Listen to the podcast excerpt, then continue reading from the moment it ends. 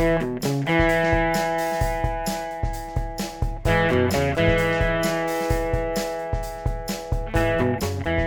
och välkomna till Visseltofta-podden. Mitt namn är Alexandra och jag sitter här tillsammans med Hedda. Idag sticker vi näsan i kryddburkar och äter glass. Vi ska nämligen besöka den gamla affären i Vesljunga och Visslagård i Visseltofta. Men innan vi börjar undrar jag Alexandra, tror du att folk har lyssnat på den första podden? Jag hoppas det. Annars så finns avsnittet kvar, så man kan lyssna på det i efterhand. Och den finns ju där poddar finns. Just det. Och med denna podden vill vi ju belysa både dåtid och nutid. Låt oss hoppa in i dagens program. I ett stort rött hus vid Vesljunga sjön har Lovisa Sanders varit och hälsat på den gamla affären. Låt oss höra vad som händer där.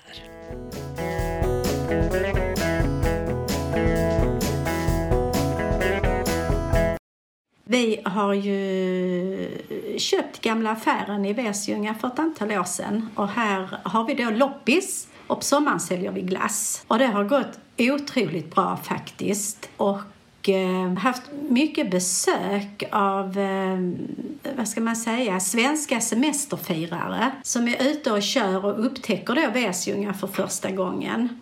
Jo, det stämmer. Det stämmer. Absolut. När jag har varit här och ätit glass och så, så har ni ibland eh, visat mig lite runt kring huset och sånt och berättat att det har varit, att det har varit affär här eh, för länge sedan. Vill, eh, vill du berätta lite om det, Thomas? Det kan jag göra. Eh, Affären startades av min farfar och farmor, Gunnar och Betty, 1930 tror jag att det var cirka. Eh, Och då hade, då hade de bott i Bohult, inte långt härifrån tydligen. Vad jag hört ryktes om, om det stämmer. Och eh, startade affär här och provade då att sälja varor, diverse varor. Och sen så efter två år så gick det inte mer för de sålde det mesta på kredit. Så de det blev inte så lönsamt för dem. Så att eh, farmors bror, Kalle, tog då över affären tillsammans med sin fru Ingeborg. Och för dem fungerade det ju bättre för de hade ju affären ända fram till 1967. Så att det var full ruljans här. När var, när var övertaget då? Om eh, Gunnar och Betty startade 1930, när, när togs det över? Vad, jag har hört så var det efter två år så, så gav de upp. Ja, så, så ja. flyttade de ner till Stehag. Så det är Kalle och Ingeborg som har haft affär till 67 och sen efter det så affären lades ner så gick huset i släkten. Och när kom du hit? När pappa, min far och min mor hade varit uppe i, Älmhult så sa pappa till mig att eh, visste du om att farfar hade byggt ett hus? För farfar hade byggt det här huset med hjälp av en lokal snickare. Nej, det visste jag inte. Ja, men vi kör och tittar på det, sa han. Ja, det kan vi göra. Så vi körde förbi här så bara pekade han på huset så sa han, där är det! Så tittade jag och blev mäkta imponerad. Sen gick åren och sen så till slut så träffade jag Wenche och vi gifte oss. Och jag berättade inom sinom tid att farfar hade ett hus här uppe för att vi kanske skulle köpa ett fritidshus. Så vi körde väl upp här någon vinter eller två. Tittade vi in i fönstren så såg jag att det var väldigt eh, mörkt. Sen efter ett tag så ringde jag så sa ja men vi säljer. Så då gick vi ner på banken och frågade om vi fick låna pengar och köpa ett hus. Och vilket år var det då? Det var 2006 ja. Så helt plötsligt så ägde vi huset. Och det som avgjorde det var väl att det fanns en öppen space där inne. Och sjön. Och sjön, ja.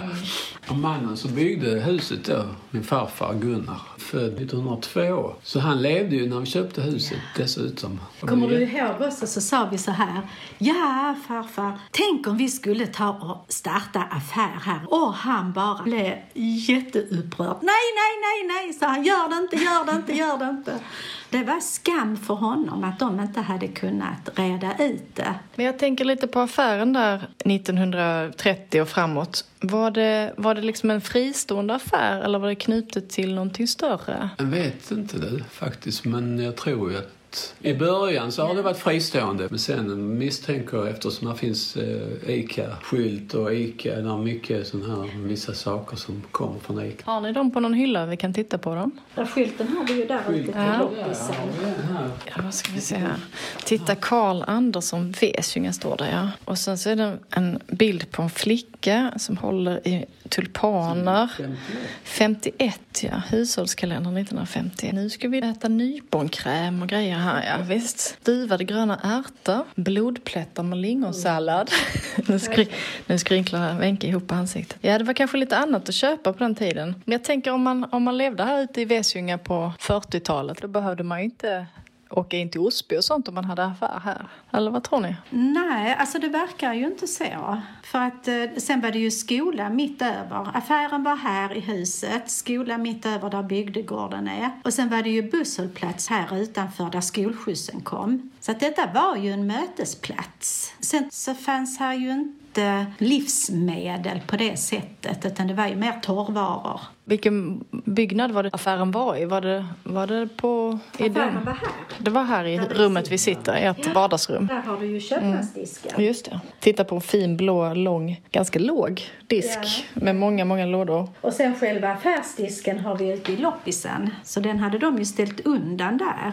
Så Gunnar sa nej, för du tänker att, att han skämdes liksom på något sätt lite av misslyckandet att de hade tagit för mycket på krita. Ja, och det var ju när det var 30-talet där när det var en depression. Alltså folk hade ju inte pengar. Så farmor var ju så snäll då och, och sålde ändå. Och det har väl farfar tyckt att det var lite skämmigt eller något lite trist att de inte klarade av det och fick släppa huset och deras dröm antagligen. Men, eh, men anledningen till att då Kalle och eh, Ingeborg la ner 67 eh, var kanske andra anledningar. Det tror jag är på grund av ålderdom. Ja, men vad, vad, de, vad de har berättat här runt omkring det var ju att eh, det börjar ju komma ut de här matbussarna och då körde de ju runt hem till husen och sålde där. Så han blev lite sur där, ni behöver inte komma hit om ni handlar av bussen. Nej men det blev, och sen så blev det väl affärerna som började poppa upp lite här och var. Och när han då kanske inte hade alla varor här som folk behövde så blev det väl att lanthandlarna, de, ja, de fick slå igen. Jag har sett lite i, i tidningen nu eh, om att det finns eh, ett slags obemannade lanthandlar som nästan vem som helst kan starta men då slipper vara i den. Och kunderna går in med bank-id tror jag. Vad tror ni om en sån idé? Kan man bara lita på att de betalar så ska det väl fungera, tycker jag. Ansvar helt enkelt. Under eget ansvar, ja.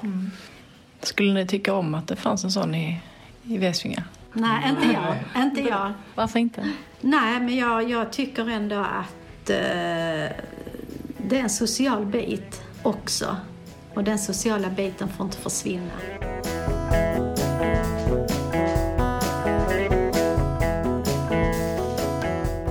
Visst hade det varit häftigt att ha en självbetjäningsbutik. Men det är klart man också, man vill ju träffa personer som jobbar där. Men hur kul är det inte att Wenke och Thomas att de säljer glass? Efter ett litet dopp i Vesljungasjön så kan man bara sticka upp där och smaska i sig en härlig, god, kall glass. Ja, men jag håller helt med. Men nu är det dags att gå vidare. Vi ska nämligen hem till mig och Oliver. Där sitter nämligen Samar och Amanda i vårt kök.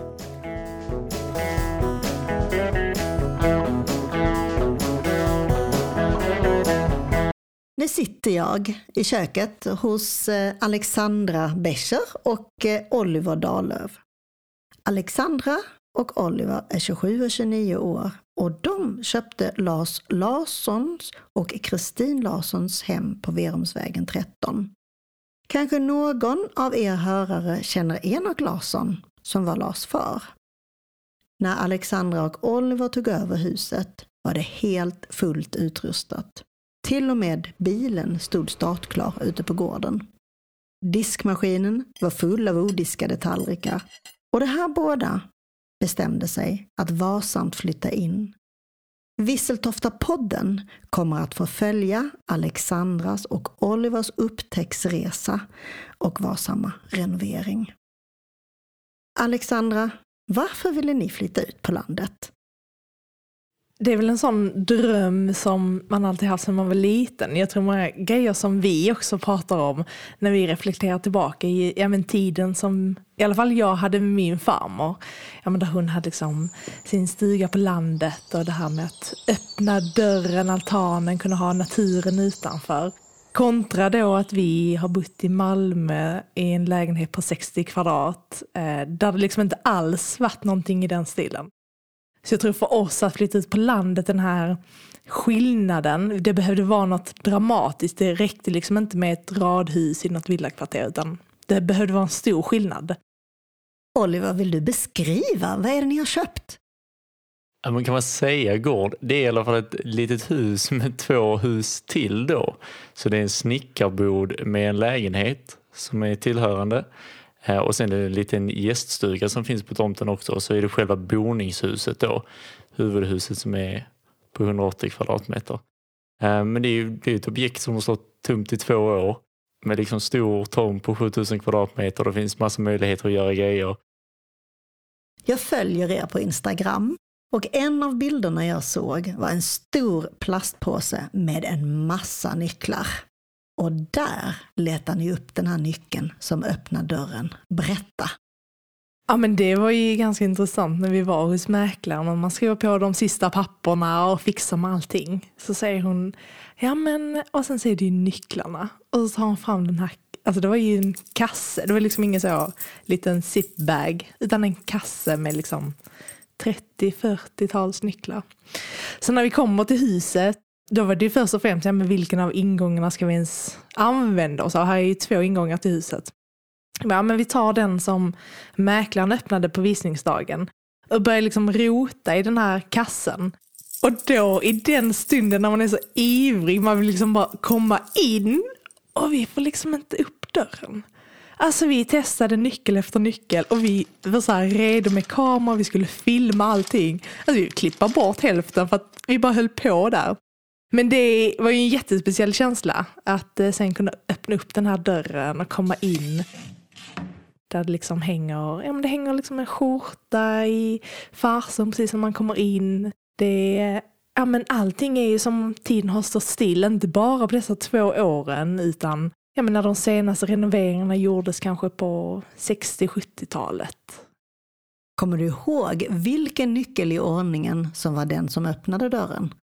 Nej, men jag vet att Oliver stod där och öppnade, sen jag, sen Oliver igen. Och jag tror faktiskt vi hällde ut alla nycklarna på trappen innan vi liksom så här försökte kolla färgen på låset i kombination med färgen på nycklarna. Så ja, det tog sin lilla tid. Jag har förstått att ni vill upptäcka rum efter rum. Vad var det som gjorde att ni kom på den idén?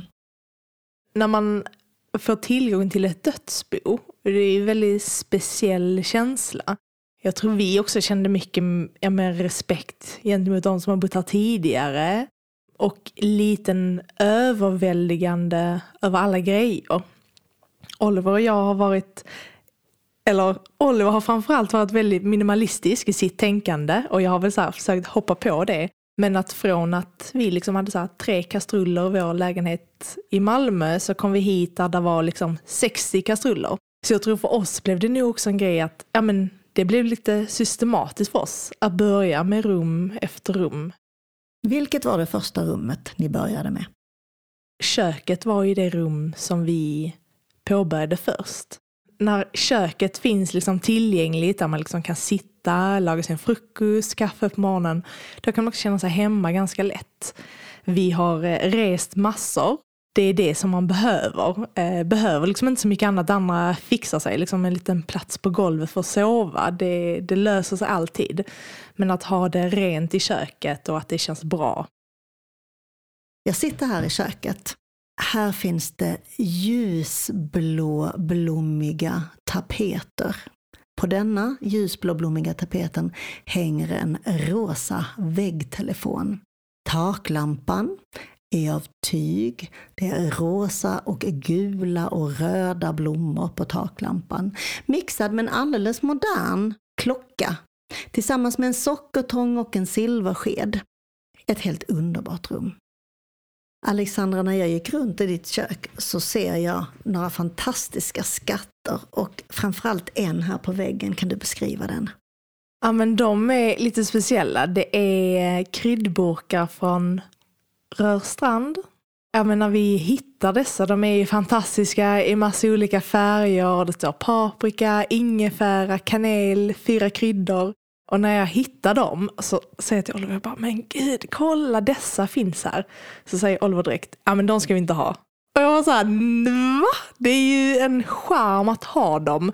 Eh, och jag tror också mycket av det vi också hittat, ja men det är också en koppling, ja men som jag sa innan, till min farmor. Jag vet att hon hade flera av dessa.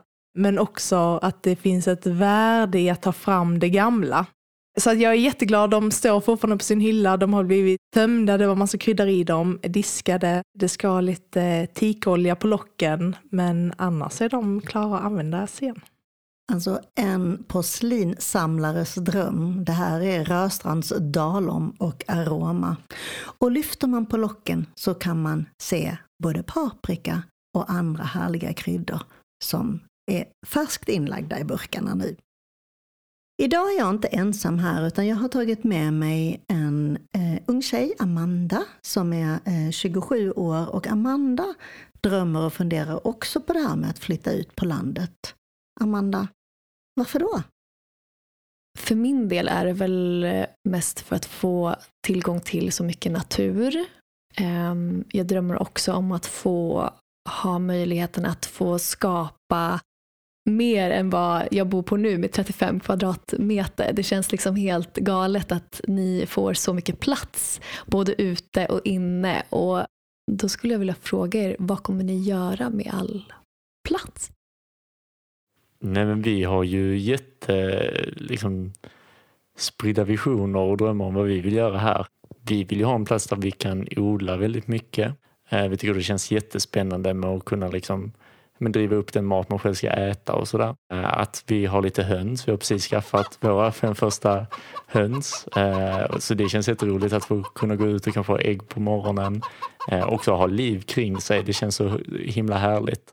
Vi har en liten skog här bakom oss. Eller det är mycket sly och, och blandad skog. Vi skulle vilja göra en liten sån här skogsträdgård där man kan gå och plocka liksom sina blåbär och äpplen och att det finns olika nivåer av grönska som, som faktiskt ger mat och inte bara löv.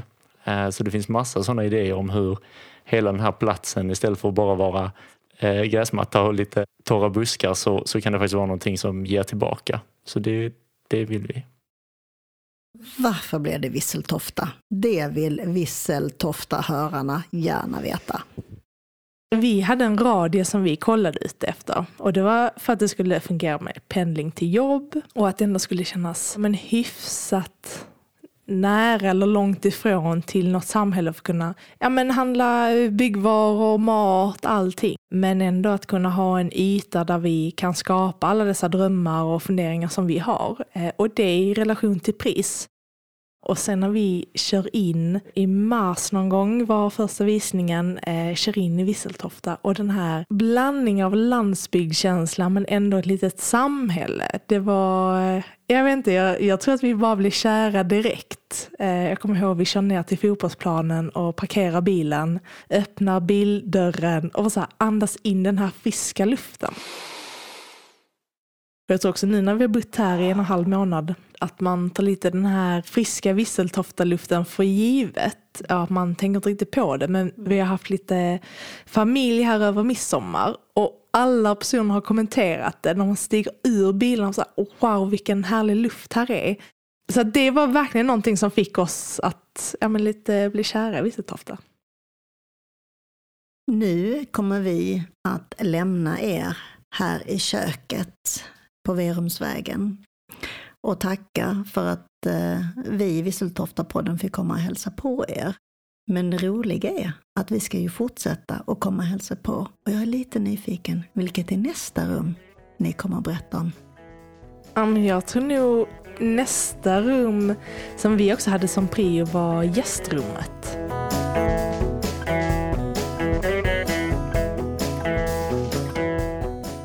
Vad spännande med det här gästrummet. Hoppas vi får höra mer om det i kommande avsnitt.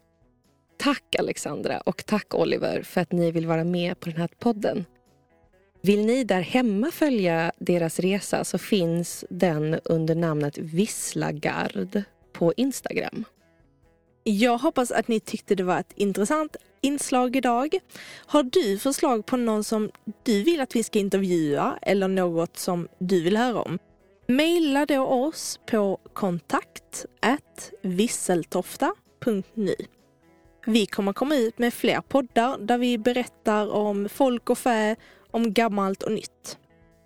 Vill du följa oss, gå in på vår hemsida www.visseltofta.nu eller på vår Instagram byalaget understreck visseltofta understreck vannor.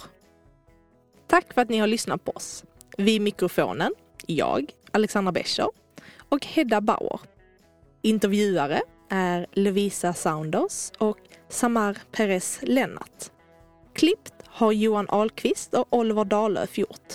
Gästintervjuare är Amanda Hell. Miguel Perez Lennart står för musiken.